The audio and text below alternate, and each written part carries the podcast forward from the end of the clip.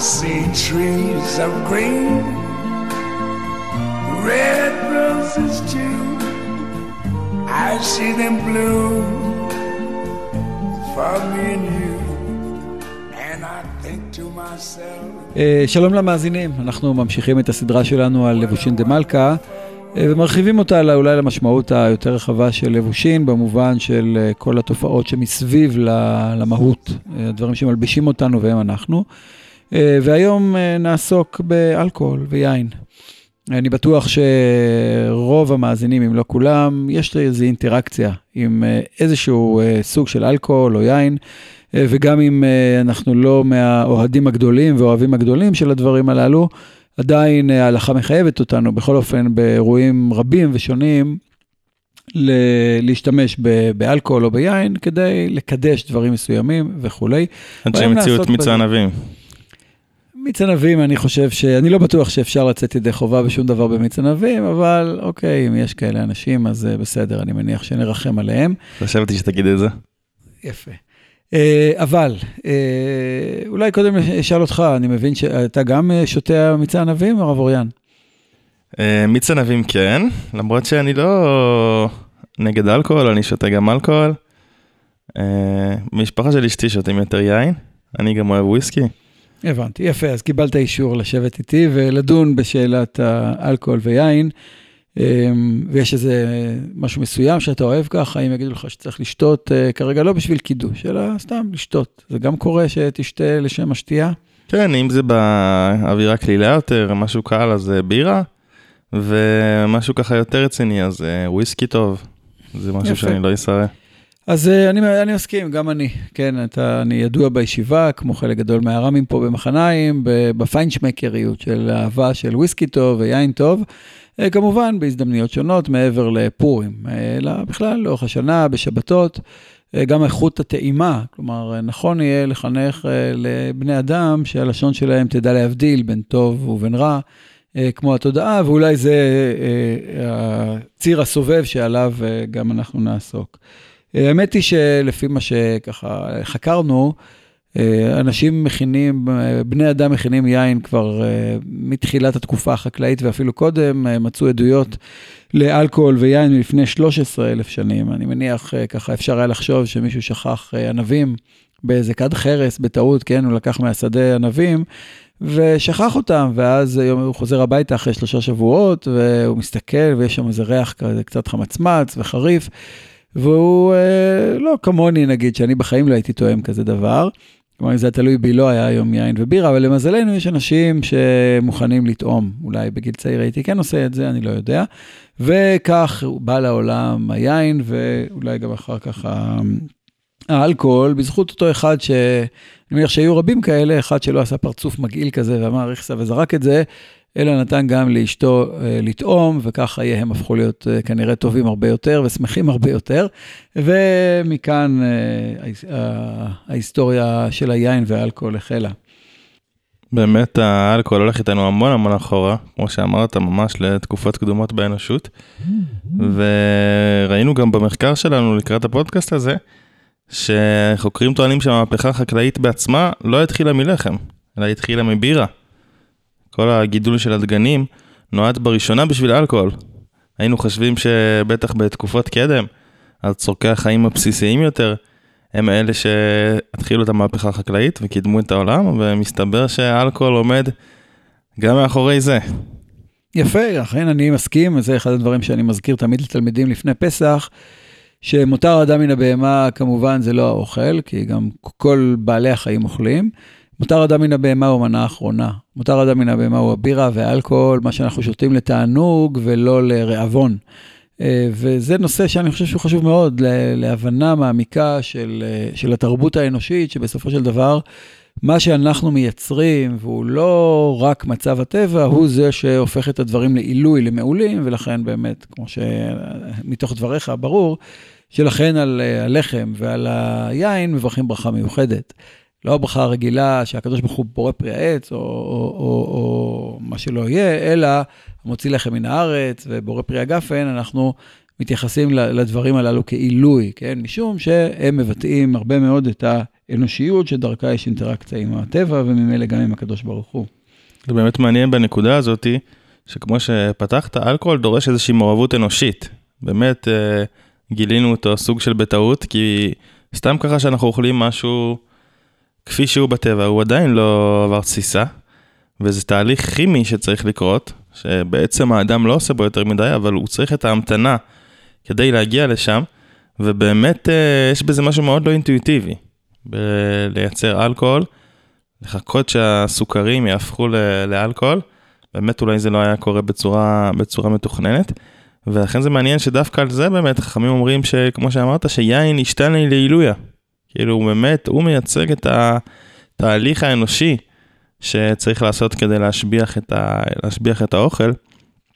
למרות שזה באמת לא דבר שהיינו חושבים לעשות אותו לבד, וגם במובן מסוים רק, אנחנו רק מאפשרים אותו, אנחנו לא באמת עושים את הדבר עצמו. כן, אכן אולי, פתאום אני חושב על זה, זה בהקשר גם של פרשות השבוע שאנחנו סביבם. אה, מעניין מאוד, עכשיו אני חושב על זה מתוך הדברים שאמרת. אה, פרעה ביקש, כתב, תכבד העבודה על האנשים ואל ישעו בדברי שקר. אדם שיש לו זמן, הוא אדם מסוכן. הוא אדם שימציא דברים, יש לו זמן, הוא יכול אה, לתכנן, הוא יכול לעשות אסטרטגיה וטקטיקה, הוא יכול לחשוב, לחשוב הלאה. ורק אדם שיש לו מספיק אוכל להיום יכול לייצר יין למחר. רק אדם העני, המסכן, זה שאוכל מהיד לפה, כמו שאומרים, לעולם לא היה מייצר לא לחם, כמו עם ישראל שיוצא ממצרים, וגם לא יין, כן? ואנחנו זקוקים לבני אדם עם זמן. אה, בני אדם שיש להם שהות והם עשירים מספיק. ולכן תמיד מעמד הביניים עושה מהפכות. תמיד מעמד הביניים אה, דורש משהו מהמציאות שהעבדים לא יכולים היו למרוד, ולא הצרפתים המסכנים, אלא רק מעמדות הביניים, אלו שכבר פתאום יש להם קצת רכוש, יש להם זמן, הם, יש להם, הם מוכנים לסכן משהו ממה שיש להם, והם לא חיים, החיים הם לא מיידיים. ואולי באמת אלו האנשים שבסופו של דבר ייצרו את, ה, ייצרו את היין אה, בזכות השהייה, שהיא גם אה, קשורה כמובן לאנושיות, כי חז"ל הרי אומרים שאני חשוב כמת. יפה. אה, טוב, אז אה, בכל אופן, רק אה, להודיע למאזינים, ככה גם מתוך המחקר שעשינו, שאלכוהול, יין ובירה, בסך הכל הם בריאים.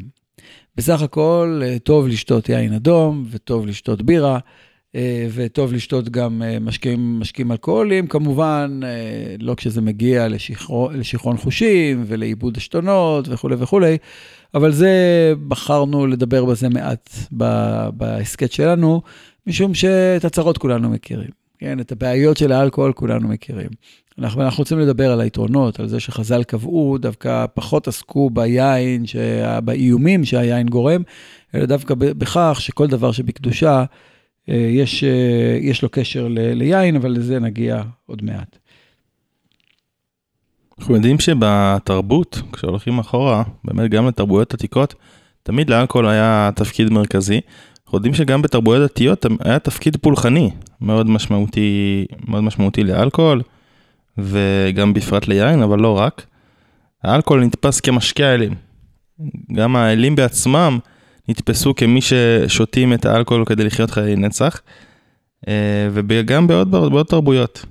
בשבטים פגאנים באירופה, בדרום אמריקה, באסיה, בכל אלה היה לאלכוהול תפקיד פולחני. כמובן אצלנו ביהדות, האלכוהול התנסך על גבי המזבח עוד לפני העולם המצוותי של, של הטקסים שאנחנו מערבים בהם יין, באמת היה לו גם ממש תפקיד פולחני במקדש. איך אתה רואה את העניין הזה שהאלכוהול אה, קיבל תפקיד כזה, רכיב כזה בפולחן? כן, אה, אולי אה, רק בסוגריים אני אומר, ולצערי הגדול, לפני כמה שנים היינו בפרו, שעכשיו יש שם ממש הפיכה וסכנה גדולה להיות שם. אבל היינו שם בשעה שהיה שקט. ואחד מהדברים שלמדנו על בני האינקה הוא שהם היו מקריבים קורבנות, ילדות, בנות, 17, ילדות, בנות בנות 17 הוקרבו לאלים השונים של האינקה, ובכל העדויות שמצאו גילו, ממש ראינו את הבורות ואת המזבחות הללו שהיו שמים את הבנות ומכינים אותם לקראת, ה, לקראת ההקרבה, וממש הקרבה של מוות, כמו שאנחנו מכירים את המושג של מולך אצלנו. ו... היו משקים אותם בהמון המון יין, ואז היו מקריבים אותם. עכשיו, הסיבה הרשמית הייתה כמו ניסוך, כן? אתה לוקח אותם כשהם ש, ש, אה, כאילו קיבלו יין, ואז היין, גם הוא היה חלק מהפולחן, אבל כמובן שהסיבה הפנימית, וככה מסכימים כולם, הסיבה האמיתית הייתה כי אחרת הן היו מתנגדות. כן, אז לכן השקו אותם יין, והם היו כל כך שטויות שפשוט אה, עמדו, אה, לא, לא נאבקו בשריפה וב...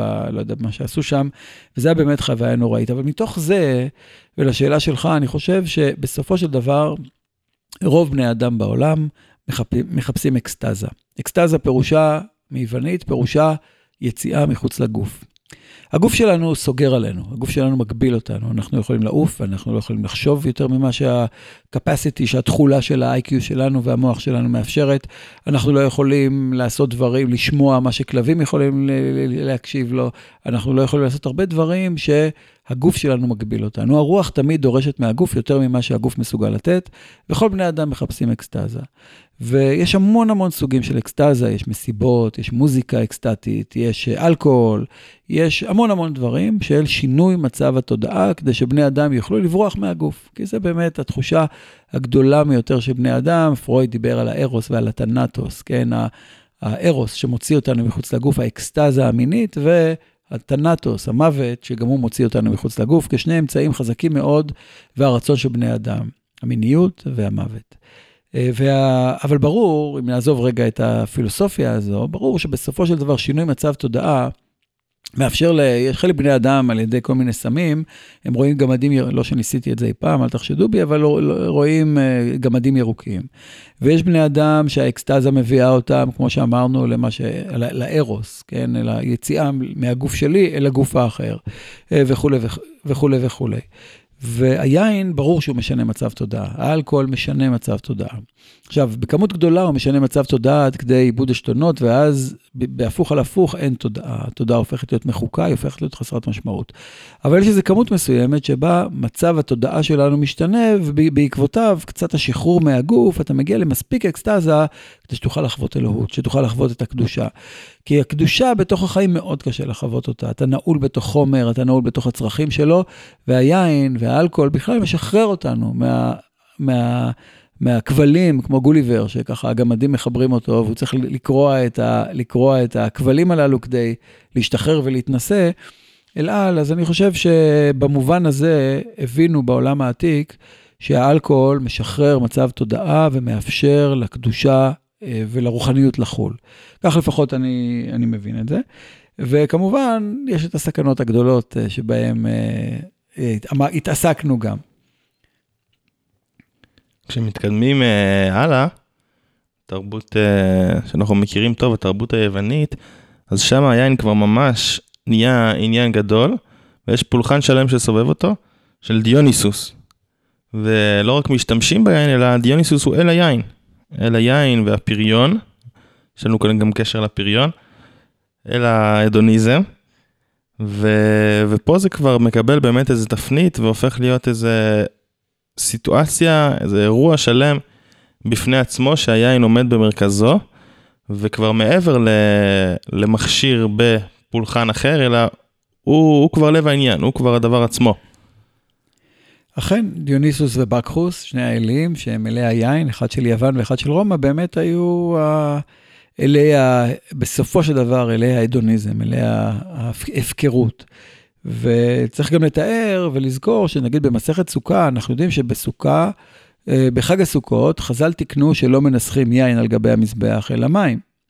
ויש לנו את שמחת בית השואבה, ובשמחת בית השואבה גם בש... בימי חג הסוכות הפרידו בין נשים לגברים, מה שלא היה נהוג במקדש קוד, בימים אחרים, רק במשך שבעת ימי החג הפרידו בין נשים לגברים, ולא סתם, משום שבתרבות הרומאית שיהודים חיו בה, בדיוק תקופת חג האסיף הייתה גם תקופת יין ההילולים, היינות הראשונים שיצאו לשווקים, והייתה איזושהי חגיגה של הפקרות ומיניות פרוצה לחלוטין, וכנראה שהיא זלגה גם ליהודים ולהר הבית, אה, והפולחן של דיוניסוס יכול להיות שהיה קשור גם לחגיגות הר הבית, שבגללה מסכת סוכה בסופה עסוקה באמת ל... לשמחה מה זו עושה, כן? לשמחה הזאת שפורצת אה, כל גבול.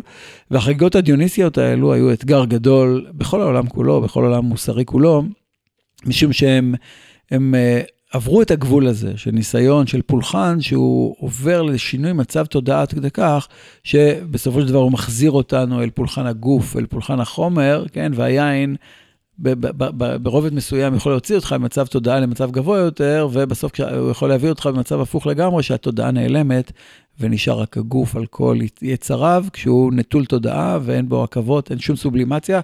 ואז אנחנו מגיעים לצד השני, אז היין בגלל זה הופך להיות גם הפתרון להתקרב לקדושה, וגם הסכנה הגדולה להתרחק מקדושה. זה באמת מעניין בקשר לסוכות, שזה הרי חג השמחה, זה שיא השמחה גם במקדש. זה אירוע השמחה הכי גדול, ובאמת מה שעומד במרכזו זה שמחת בית השואבה, כמו שאמרת, גם ניסוך המים במקום ניסוך היין, אבל דווקא כשאנחנו מגיעים לשיא השמחה, לשיא הכי גדול בשנה של השמחה, אז דווקא היין מפנה את מקומו, למרות שאנחנו יודעים שיין ישמח לבב אנוש, וגם בהלכה, גם במקדש עצמו אין שמחה אלא בבשר ויין, וגם האדם היה שותה יין לצד אה, האכילה מהזבחים שהוא מביא, ובסוכות באמת זה מאוד בולט ש, שחוזרים אל הבסיס הזה של המים, ויש שם באמת איזה, איזה ניטרול של המים, של היין. טוב, זה מאוד חשוב בדברים שלך, משום שבתוך הדברים מסתתרת עובדה חשובה מאוד, דווקא ובעיקר בעולם היהודי. אני, אנחנו עכשיו, ככה, אחרי, לפני תקופה לא ארוכה, הסתיים המונדיאל, גביע העולם בכדורגל. והיה ויכוח גדול, נכון, אם זה, אם זה עניין דתי, לא דתי, בכל עולם הישיבות, שנינו שותפים נראה לי באותה קבוצת וואטסאפ של אה, רמים בישיבות, בישיבות הסדר, ישיבות גבוהות, מכינות אולי, וכולם עסקו בשאלה הזאת של אה, המגע לעולם דווקא דרך אה, גביע העולם בכדורגל. ואחד מהדברים המעניינים הוא, מתוך הדברים שאמרת, שלכאורה יין היה אמור להיות לשנות מצב תודעה, כך שאני אשתחרר מעולם החומר, ורק כך אפשר להידבק בקדוש ברוך הוא. אבל דווקא בחג השמחה, וכמו שאמרת, אין שמחה אלא בבשר ויין, כלומר, העולם היהודי ביקש שהשמחה תהיה בתוך עולם החומר, כלומר, אני לא רוצה שהיין יהיה אקסטזה שרק דרכה תעבוד את אלוקים, אלא אני רוצה שזה יהיה מתוך ההנאה החומרית שלך. עתיד האדם, כמו שהגמרא בסוף פרק חמישי בברכות אומרת, עתיד האדם ליתן דין וחשבון על כל גלוסקה אה, נאה שראה ולא נהנה ממנה. כלומר, ההנאה מהיין היא לא אמצעי להשתחרר מהגוף ולהשתחרר מהיין ולהגיע למצב תודעה גבוה של קדושה ואז להיפטר מהיין, אלא דווקא מצב שבו אומרים לך, עזוב את היין, תשמח במה שיש, בכל הטוב אשר נתן לך השם אלוקיך, ודווקא בתוך מצב תודעה חומרי, היהדות אמרה, דווקא בו אתה נהנה, דווקא בו אתה מוצא את העינוג, הסיפוק וגם הקדושה הרוחנית בתוך החומר ולא מעבר לו. כלומר, ברור שבעולם היהודי, באופן כללי הוא מאוד אנטי-אקסטטי. כן, הוא נגד כאבים, והוא נגד הקרבות ילדים, והוא נגד כל מיני פעולות, או נגד קברים נגיד, פולחן קברים. אה, העלייה לקברים שהיא סוג של אקסטזה, כן, היא סוג של המקום שזה התנטוס, כן, זה החיפוש אחרי הנקודה הזאת שבה אפשר לברוח מהחיים, זה בית קברות. והעולם היהודי התנגד לזה. וחיפש את הקדושה בתוך החיים הממשיים, אבל נתן גם מקום באותה מידה ל, ל, ליין, ועוד אולי אחר כך בהמשך גם אה, נדבר על זה. אנחנו נוגעים ככה באמת ב... קצת ב... באתגר של היין לצד הברכה שלו. אה, הייתי רוצה לצטט פה משפט של בודלר, שוער הצרפתי מהמאה ה-19. יש לו משפט מאוד יפה על המקום של היין, הוא טוען ככה, תגיד לי אם אתה מסכים איתו. אילו חדל האדם לייצר יין, החלל שהיה נפער בתבונתו של כדור הארץ שלנו, החסר והכשל שהיו מתגלעים בו, היו איומים בהרבה כמדומני, מפריעת הסדר ופריצת הגדרות שבהם מאשימים תדיר את היין. טוב, אכן זה משפט uh, נפלא, נכון, שכתב uh, בודלר בגני העדין המלאכותיים במאה ה-19, והרבה כעסו עליו, על כל הספר הזה וגם על המשפט, המשפט הזה שבודלר טוען. שהעולם היה מקום הרבה יותר גרוע בלי יין מאשר עם יין. כלומר, עדיפה המחלה של ההשתכרות וההפקרות ודיוניסוס ובקחוס וכל הדברים הללו, לעומת החסר והחלל שהיין היה, שהיין מספק לנו. אני מסכים לגמרי. כלומר, אני חושב, למרות הוויכוח הגדול ועל, על בודלר ועל זה שהיין גרם לנזקים, באמת, אנחנו עוד מעט אולי נזכיר את תקופת היובש בארצות הברית, היין גרם לנזקים גדולים, האלכוהול גרם לנזקים גדולים. לא סתם האסלאם אסר על היין, אסר על האלכוהול, משום שמוחמד, ואולי אני לא יודע מי עוד, אחרים בתקופתו, ראו איך עמי ערב משתכרים, והיין הפך להיות באמת אה, לרועץ, ל... סליחה, לדת. ואני מניח שהביקורת על בודלר היא באמת כאילו במקום הזה שאני מקבל את היין למרות האיסורים שבו, אבל כיהודי אני לא יכול לקבל את זה. כן, גם כאדם אני לא יכול לקבל את זה, וגם כחובב יין אני לא מוכן לקבל את זה. היין, אה, גם בימים שבהם יש ארבע כוסות בפסח, ובימים של פורים שבהם אנחנו, ברוך השם, שותים כדווי, גם פה בישיבה, ואני מניח שבכל מקום, וגם בסעודת פורים אצלי בבית, כשכל התלמידים מגיעים, היין והאלכוהול נשפכים כמים, והם גם איכותיים בדרך כלל. ולשמחתי הגדולה, למרות שאנשים מאבדים את מצב התודעה שלהם באופן די חמור, כמעט, כמעט, כמעט ולא נתקלנו במצב שבו אנשים הפכו להיות מופקרים. כן, יש בסוף איזו עדינות שמשפיעה גם על עולם החומר, שכאשר אתה בהפוך על הפוך, אתה מתחיל בלצאת מעולם החומר וחוזר אליו בבום אחד גדול באיזה, אחרי, לא יודע, אחרי, בכוס החמישית או מה שלא יהיה, אז פתאום אתה מגלה שאת, אה, את הפנימיות של האדם, זה, אבל זה כבר קשור לפורים. לכן אני מקבל את זה, אני חושב שהעולם שלנו הוא מקום שהיין והאלכוהול, אה, משמשים להצמיח את מצב התודעה שלנו, כן? אה, לגרום לחברת בני אדם שהיא סובבת סביב האלכוהול, שיושבים ושותים, כאשר כמובן, עוד פעם, זה נעשה במידה הנכונה, ולפעמים אפילו אצלנו כמובן יש איזה עניין שאפשר לצאת מהמידה הנכונה גם כן בפורים, ועדיין להישאר, ועדיין להישאר בן אדם. זה גם באמת תלוי מי, מי אותו אדם ששותה את, ה, את האלכוהול. אנחנו יודעים שיש תרבויות שאנשים מגיבים לאלכוהול בצורות שונות. יש מקומות ש... שדווקא זה מביא אנשים לאיזה שלווה והרמוניה, ובאמת איזה מצב תודעה יותר uh, משוחרר. ויש מקומות שזה משחרר גם את האגרסיות ותוקפנות, ו- ו- ומקומות אנטי חברתיים של האדם, ושהוא רואה רק את עצמו. אז, uh, אז כמובן שזה גם תלוי uh, מי האדם ששותה, וזה איזשהו מבחן אולי. לתרבויות שונות ואנחנו יכולים לראות מה יוצא מהם. באמת אנחנו יודעים, כמו שאמרת, שבארצות הברית אסרו בשלב כלשהו את, ה... את האלכוהול, תקופת היובש. כן, אז אה, אכן, תקופת, ה, תקופת היובש בארצות הברית ידועה לשמצה, והיא בדיוק כמו מוחמד, באותו יום שהחליט שהוא רואה את כל האנשים השיכורים, ואמר שהאלכוהול הוא דבר רע, ואסור לשתות, ועד היום רבים מהמוסלמים בעולם אכן אה, לא שותים יין. אבל אולי אני חושב שהאיסור הגמור, באופן כללי, האיסור הגמור בנצרות, אה, לכל מיני דברים, ובאסלאם לכל מיני, אה, לכל מיני דברים, האיסורים הגמורים הללו, הכל כך מוחלטים, בדרך כלל יוצרים רע. כלומר, כאשר אמרו שמפחדים שהאלכוהול ייצור הפקרות ואנחנו יכולים לשלוט בהפקרות, אז עדיף שלא ישתו אלכוהול. ואנחנו רואים את אותה התרבות האסלאמית שלא שותה אלכוהול, אבל כאשר הם מפסידים באיזה משחק ו- ומשתוללים וזה מגיע להפקרות, אה, כמו שראינו לאחרונה, אה, זה אומר שמישהו החליט שבמקום למתן ולגרום לאנשים לזכור שהפקרות היא דבר רע, אנחנו אוסרים עליהם את מה שמביא להפקרות, אבל דברים אחרים ייכנסו.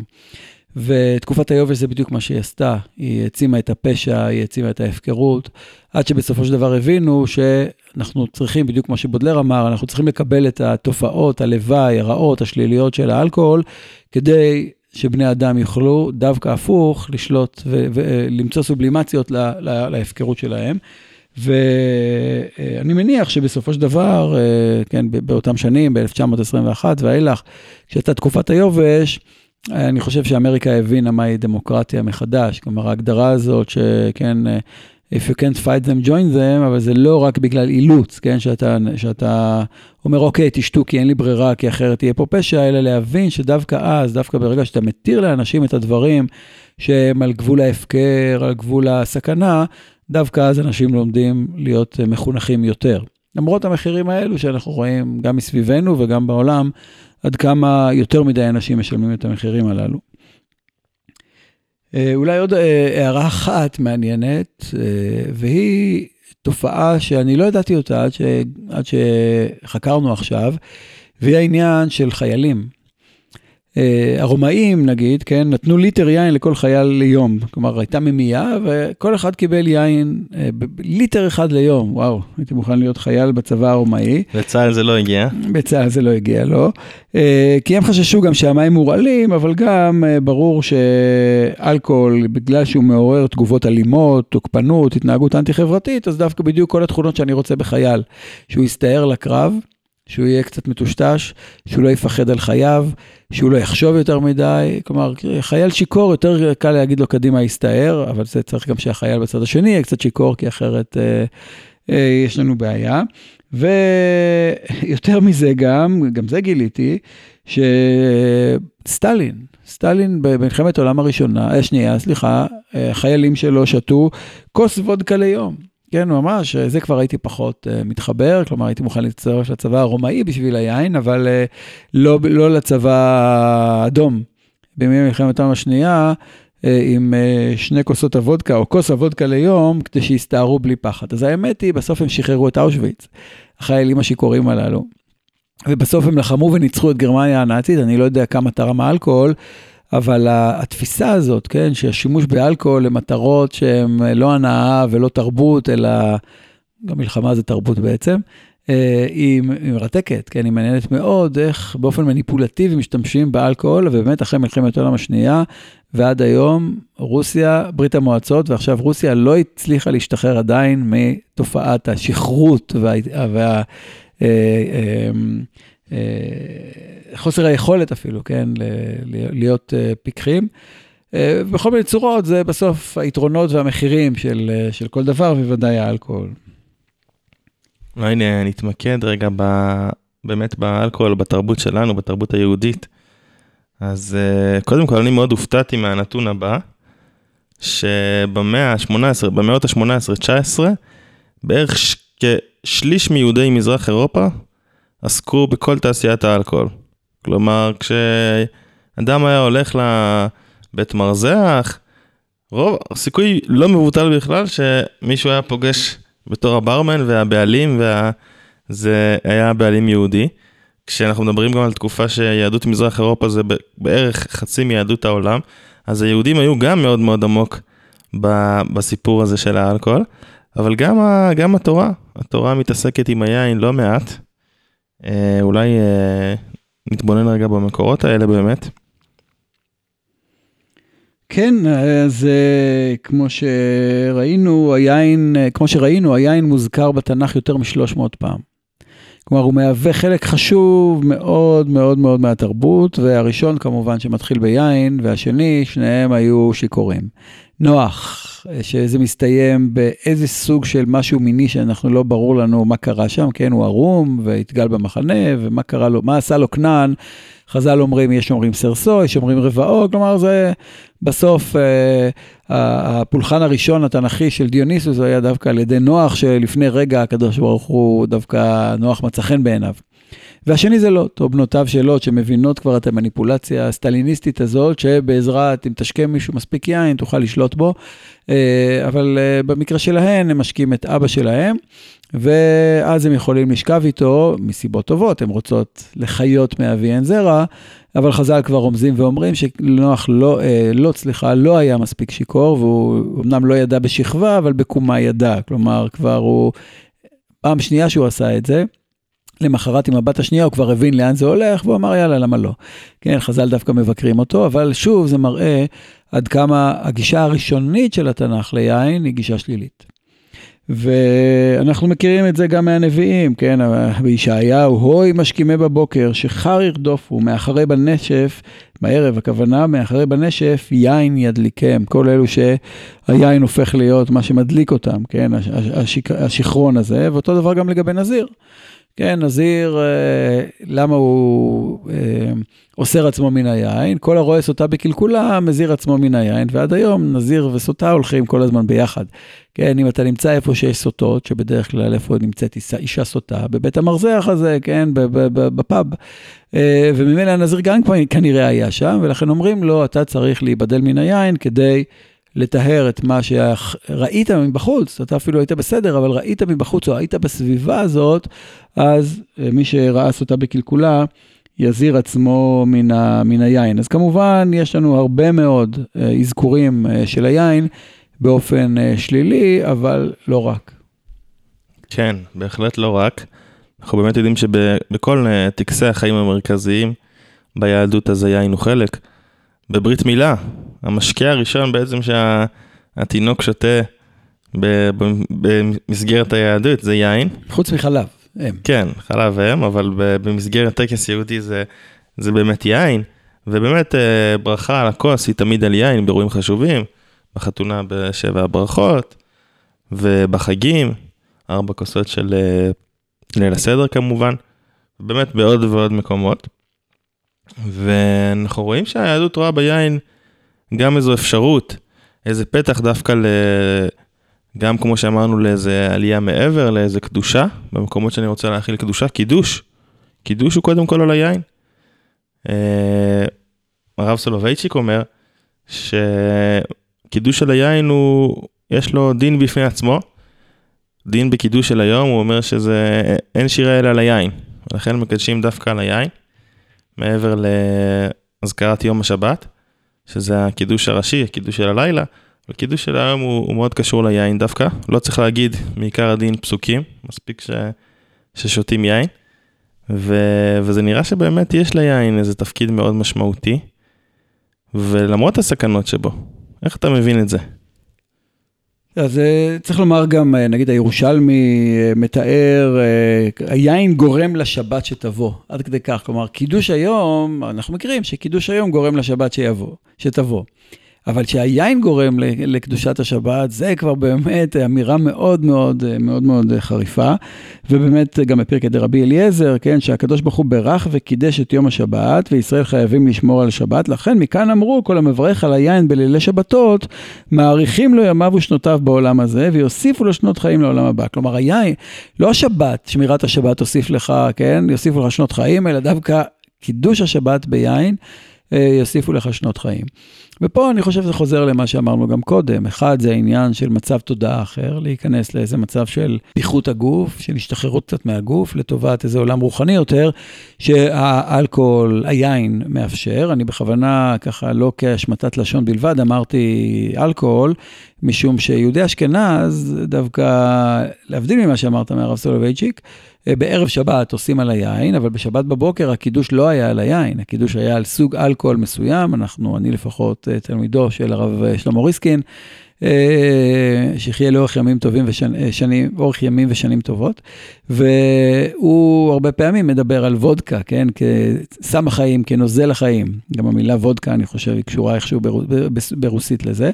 והוא כל שבת שהיה איתנו פה מבלה בישיבה, בבוקר שבת, שתינו וודקה, כן, כטעם החיים, וכמובן זה בחסידות, המושג הזה עד כדי כך שאפילו יש תשובות של פוסקי אשכנז, האש של אברהם מבוצ'אץ', שכותב שלא חייבים שיעור כמו יין, כן, הרי אתה לא שותה אלכוהול בכמות של יין, זה, זה כבר הופך להיות שיכור.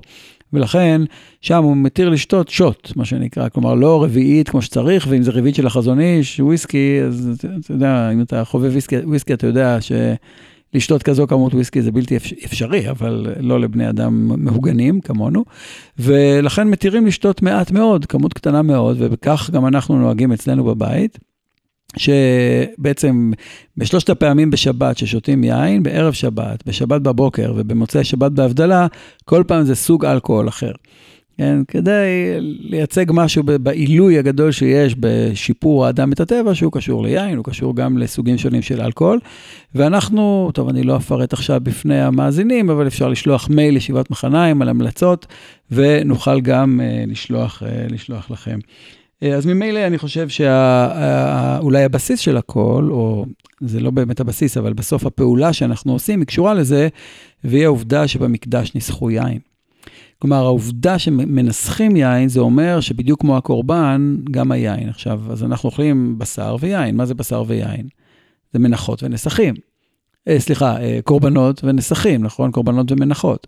כלומר, בעצם השולחן שלנו זה השולחן אשר לפני השם, ושולחנו של אדם הוא כמו מזבח, אז היין מהווה בדיוק את קבלת הקדושה כמו הבשר. נכון? ואני מניח שיש השלכה גם, כן? זה השלכה, כמו שראינו ב, אפילו בהסכתים קודמים שלנו, שיש איזו זליגה מה, כשדיברנו על בגדים כמדומני, זליגה מה, מהקדושה של ה, של, מה, מהמזבח שזולג אל החולין, וגם היין הוא חלק מהעניין הזה, וזולג פה זה ממש כפשוטו, זולג אל החולין. זה מעניין ההבחנה הזאת שעשית בין אה, יין לבין אה, משקאות יותר, אה, יותר חזקים, יותר חריפים מיין. אני חושב שהאש של אברהם הזה הוא מרתק, כי הוא אומר שדווקא ב, ב, ביש, במשקאות הכבדים, יש איזה זיקוק. כלומר, זה הרבה יותר מבליט את זה שהחוויה של אדם שותה אלכוהול היא בכלל לא על הציר הכמותי. כאילו יין הוא באיזשהו מובן, הוא עדיין חלק מהסעודה, הוא עדיין, אה, אני שותה אותו לצד, ה, לצד הלחם שאני אוכל. והוא משקה, אז צריך לו שיעור, שיעור מסוים של, אה, של רביעית. אבל במשקאות אחרים אנחנו כאילו, אנחנו בכלל לא מדברים על אוכל, אנחנו מדברים על חוויה. אנחנו מדברים על, אפשר לזקק את זה לכמות הרבה יותר קטנה שהיא, שהיא כבר אפקטיבית. אה, השיר, ה, היין, אנחנו יודעים שיש לו מקום בכל מקום שקשור לשירה. אה, אנחנו מכירים את, ה, את השנה הרביעית, אחרי ששר איסור העורלה, מגיעים אל הנטע הרבעי, ויש דעה מאוד מעניינת בהלכה. של כרם רבעי. כרם רבעי זה אומר שהפירות שמקודשים בשנה הרביעית וצריך להלל עליהם, זה רק, ה, זה רק ענבים, זה רק יין. ואני חושב שזה מאוד ברור בגלל הפסוק שממנו לומדים את זה, של קודש הילולים להשם. כלומר, היין קשור להלל. ואולי יש בו באמת שתי הפנים האלה, שהמשקאות החריפים, היש, הם באמת קשורים לאיזה מצב תודעה אחר ולאיזה חוויה שאני נכנס אליה, בעוד שהיין באמת ככה מתייחד לעולם ההלל. זה גם מתחבר לדברים שדיברנו קודם כן. על התרבויות ששתו יין, שבאמת היה קשור למקום הזה של השירה. מאוד יפה, אנחנו, אני לא חשבתי על זה קודם, מתוך הדברים שלך, פתאום אני אנסה להיזכר בכל מיני uh, חנוכות בית, השקות של ספר, השקות של משהו וזה, ותמיד מדברים על כך שמרימים כוסית. עכשיו, הייתי בכל מיני הרמות כוסית, די הרבה אפילו, אפילו בבורסה, עם כל מיני חברים שלי שעשו הרמת כוסית, ומעניין שתמיד זה יין. לא יגישו אלכוהול אחר, לא יגישו וויסקי, כן, לפחות איפה שאני הייתי, וגם לא בירה. בירה נתפסת, אני גם מקפיד בשבת לא לשתות בירה, כי בעיניי היא, משהו זול, היא משהו, למרות שיש בירות מצוינות, ואני גם יודע לאהוב בירה, אבל אני לא שותה בשבת בירה, כי אני חושב שזה נמוך, כן, זה אלכוהול מסוג נחות יותר. והוא משקה, בסדר, הוא משהו שלא יודע מה, עם, אה, כיוון שאני צמחוני, אז לא עם, אה, לא עם בשר, אבל עם, לא משנה, עם פיצה. אבל, אה, וגם לא אלכוהול, אלכוהול זה גם משהו שטיפה גס לשתות אותו באיזה, אתה מחפש משהו עדין, משהו תרבותי, משהו מתרבות גבוהה, כאילו בשביל לפגוש אנשים, ועושים את זה על הרמת כוסית. כשעושים לחיים, אז הלחיים הבסיסי זה בסוף על, על היין. ויכול להיות שזה קשור גם לחבורה, כן? לעניין הזה שיין יוצר חבורה. אלכוהול לא בהכרח, אלכוהול כבר, הוא עלול להיות כבר מעבר למצב הזה, הוא מייצר בדידות, הוא מייצר איזה עליונות. אה, ואולי בגלל זה, סתם יינם, האיסור לשתות, הרי הרבה, תמיד אנשים שואלים אותי, תגיד, מה, לשתות בירה עם גוי מותר, ולשתות, אה, לא יודע, וויסקי עם בירה עם, עם גוי מותר, ודווקא יין לא. אבל הוויסקי ששותים עם מישהו, הוא מייצר אולי איזה חברות, וויסקי או כל אלכוהול אחר חוץ מיין, ואותו דבר בירה, מייצר חברות מסוג שהוא יותר ארצי מאשר משהו שהוא מופשט יותר, רוחני יותר, כמו שהיין שהוא כבר יותר תרבותי יוצר, משקה האלים.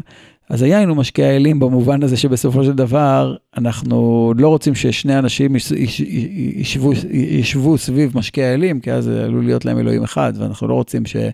אנחנו נתחבר לגויים, אבל כל אלכוהול אחר אולי מותר, כי באמת הפעולה שלו היא אחרת. כן, ואז, אה, זאת אומרת, קבלת שבת צריכה להיות על היין, קבלת שבת עצמה, בערב שבת שאנחנו עושים את זה, אבל דווקא ביום יכול להיות, לא חשבנו על זה, אני לא חשבתי על זה, אבל באמת יכול להיות שזה מצב אחר בעצם, שהיהדות אשכנז לפחות, ברור זה יהדות אשכנז, כי יהדות המזרח גם לא היה לה אלכוהול, בגלל שהם מוסלמים אסרו אלכוהול, אה, ויין איכשהו היה, אבל לא סוגי אלכוהול אחרים, אה, אבל המושג הזה של חמר מדינה הוא מאוד מעניין לחשוב עליו בהקשרים הללו של הלכות אה, סתם יינם ויהיה נסך אולי שקשור לזה. טוב, נקודה למחשבה גם למאזינים וגם אולי אנחנו אה, ננסה לחקור את זה קצת יותר. אולי לקראת סיום, נזכיר את יום השתייה הגדול, את פורים, שאם עוד אמרנו שכל השנה היין נשמר באיזה כמות מסוימת, ואם הולכים כבר ליש, אז באמת שותים בכמות קטנה, ולא אז פורים זה באמת, החריגה של זה, פורים זה יום שהשתייה מקבלת איזה מעמד שונה לגמרי. מפורסמים הדברים של רבא, מיכאי ויניש ליפסומי בפוריה, עד דלא ידע בין אה, ארור המן לברוך מרדכי. חשבתי שאני אתבלבל, אבל כנראה שאני עוד לפני. ו... ושם באמת קורה דבר אחר, נכון? שם מנסים לעשות עם, ה... עם היין ועם האלכוהול באופן כללי, לעשות איתו איזה משהו מעבר, באמת, לא רק להתעלות ולהגיע לאיזה מקום קצת יותר משוחרר, אלא באמת באמת, עד דלא ידע, למעלה מן הדעת. אתה מה? אוהב את פורים? אני מאוד אוהב את פורים. אני מאוד אמביוולנטי לגבי זה, אני אפילו לא אוהב את פורים, אני יודע שזה בעיה. אני, שתי בעיות יש לי עם פורים. אחד, זה הפחד שלי ממה יתגלה כשהיין יהיה. אני תמיד מפחד מזה. וכי יודע לב מרת נפשו ויש לי חשש. מצד שני, הפוך לחלוטין, הבעיה היא שלא משנה כמה אני אשתה, אני אשאר במצב תודעה שאני יכול להגיד דבר תורה הגיוני. שאני יכול לעשות, אשתי, כאילו, אני שותה כמויות אצלי בבית בסעודת פורים, באמת, אנשים משקיעים ויש משקאות, היית אצלי בפורים, אני מניח, כן, באמת, לא יהיו, המון המון אלכוהול והמון המון אנשים, ורגע אחרי שכולם הולכים, אני לא מסוגל לסבול את הלכלוך על הרצפה, ואני לוקח סמרטוט, לי, ושוטף את הבית, ואשתי משתגעת. איך יכול להיות? כאילו, תצא רגע, תשתחרר מה... מהשריטה שלך לניקיון, אני לא, מצ... לא מצליח. וזה מאכזב אותי שאני אני פשוט לא יכול. אני רואה את הלכלוך ואני אומר, לא משנה מה אני ומה אני ואיפה אני, אני חייב לשטוף את הבית. וזה אחד הדברים שמפריעים לי, שאני, התודעה שלי כל כך כובלת אותי, שאני לא מצליח להשתחרר ממנה, וזה מצד שני מפריע לי. אני כבר מעדיף להישאר ממנה מלגלות שהיא שולטת בי ולא אני בה. אז קשה לי, קשה לי עם פורים, אבל בסדר, בגבולות הז'אנר, הנה בדיוק אתמול התחלנו להכין את המשקה המיוחד שלנו לפורים, שבכל שנה אנחנו מכינים. אז בעזרת השם, עוד לא, לא עוד הרבה זמן, כבר נזכה בעזרת השם להרים, להרים כוסית גם בפורים. עכשיו, צריך לומר עוד דבר אחד מתוך זה, והוא קשור גם למה שדיברנו קודם, ואולי ככה דברי הסיום שלי לפחות, לגבי זה שהעולם היהודי אהב תמיד ללכת על, על קווי התפר המסוכנים. כלומר, לא הלכנו למקום הבטוח. הנוצרים אמרו שיחסי מין זה דבר שלילי, ורק אם זה, ואדם קדוש אסור שיקיים יחסי מין, כי אישה זה, וכולי וכולי, כולנו מכירים את הנזירות הנוצרית. אצלנו אין, אין מושג כזה של איסור מין, כן, גם נזיר, הוא לא שותה יין, אבל ודאי שהוא יכול לשאת אישה. וזה איזה קו תפר שהיהדות לא אמרה משהו רע על מיניות, לא יותר גרוע מזה, יותר טוב מזה, היא קראה לזה קידושין. הרי כל העניין של קידושין זה כדי להתיר את יחסי המין. במובן הזה זה ללכת קווי תפר ולומר מה שאחרים רואים כטומאה אנחנו רואים כקדושה, מה שאחרים רואים כחשש אנחנו רואים כהתעלות, ואותו דבר לגבי יין. שני הדברים, מה שהנצרות ראתה בעין רעה את המיניות, קראנו לזה קידושין, ומה שהאסלאם ראה בעין רעה את היין, אנחנו עושים קידוש על היין. כלומר, לקדש את הנחש, לקדש את הזה שעלול להיות הגורם הרע, ואתה במקום להפוך אותו למשהו רע, אתה אומר בוא נמתיק אותו. ודווקא את הדברים הכי חזקים בקיום שלנו, כן, האקסטזות שלנו למיניהם, חז"ל אומרים, בוא, בוא, בוא נקדש אותם. במובן הזה זה גם פורים. כן, חג כזה פרוע, כן, קשה לחשוב שדת תקבל אותו כמשהו, באמת אנחנו מכירים הרבה אנשים שמתנגדים לפורים, וחס וחלילה, נכון, ואפילו פה בישיבה, רמים שאומרים, לישון יוצאים ידי חובת עד דלא ידע, ואסור להשתכר, ומספיק כוס יין בשביל לצאת ידי חובה, וכולנו מכירים את הדיונים האלה בכל שנה בעולם הדתי וגם אצלנו בישיבה. ואני אמרתי את הפחדים האישיים שלי, אבל מצד שני, את ללכת על קווי התפר, על קווי הסכנה, ולא לפחד, ודווקא אותם לקדש, יש בזה משהו שדווקא הוא, הקדושה של המקום שעלול להיות מסוכן, בעיניי היא זאת שקידמה את העולם היהודי לאורך כל הדורות עד היום, בכל תחום שהוא. באמת, בהקשר הזה של הסכנה, אז מאוד מאוד על השולחן בפורים, כבר בגמרא המתח הזה קיים, הגמרא מביאה שם את הסיפור המפורסם, שרבא ורבי זרע עשו סעודת פורים ביחד, וקם רבא שכטן רבי זרע, ו... ובכל, ואחר כך רצו לעשות שנה הבאה, הוא אמר לו לא בכל שעת ושעת היתרחש ניסה. ובאמת הפוסקים, יש מתח איך להבין את הסיפור הזה, יש כאלה שבאמת הבינו טוב, אז הסיפור הזה שם לך ברקס, ואומר, אוקיי, מה שאמרנו קודם שמיכאל ויניש זה נדחה מההלכה, כי תראה למה זה מוביל, ויש פוסקים, למשל הפרי חדש, שאומר, לא, אדרבה, תראה, הסיפור בא להגיד לך שעד כדי כך. ודווקא מהסיפור הזה אתה יכול ללמוד שלמרות הסכנה הגדולה, שביין ובהתבשמות בהתבשמות הזאת של העד לא ידעת, אנחנו עדיין הולכים לשם בכוונה, ואני חושב שבאמת יש פה, יש פה איזה סוג אחר של, אה, של עיסוק ביין. אם כל השנה אנחנו, אנחנו קצת שותים כדי קצת להתרומם, קצת להשתחרר, קצת, אה, קצת לשורר, כמו שאמרנו קודם, אז יש איזה יום שכמו שאמרת משחק על המקומות של הסכנה, ויש יום שאנחנו לא מקבלים את המציאות כמו שהיא, ואנחנו לא רק uh, מתוך המציאות מהללים את הקדוש ברוך הוא, אלא פורים זה, זה התחיל באמת מדור של גלות, זה מתקופה אפלה בתולדות ישראל, ובפורים היהדות אומרת, לא, אתה צריך לחדור שלב אחד פנימה. אל תסתפק במציאות של פני השטח, ו- ונכנס יין יצא סוד, תחשוף איזה שהם רבדים שהם מתחת לפני השטח, ו- ושבהם אתה לא מקבל את המציאות כמו שהיא על פני השטח, ואנחנו לא מסתפקים בה, אנחנו מחפשים לחשוף בתוכה איזה משהו אחר, אה, כשמקלפים את התחפושת ממנה. יפה יפה, אז אה, לא נותר לנו אלא להרים לחיים. אז אה, לחיים. לחיים, לחיים. חיים לחיים. תודה לכולם, ניפגש בהסכת הבא.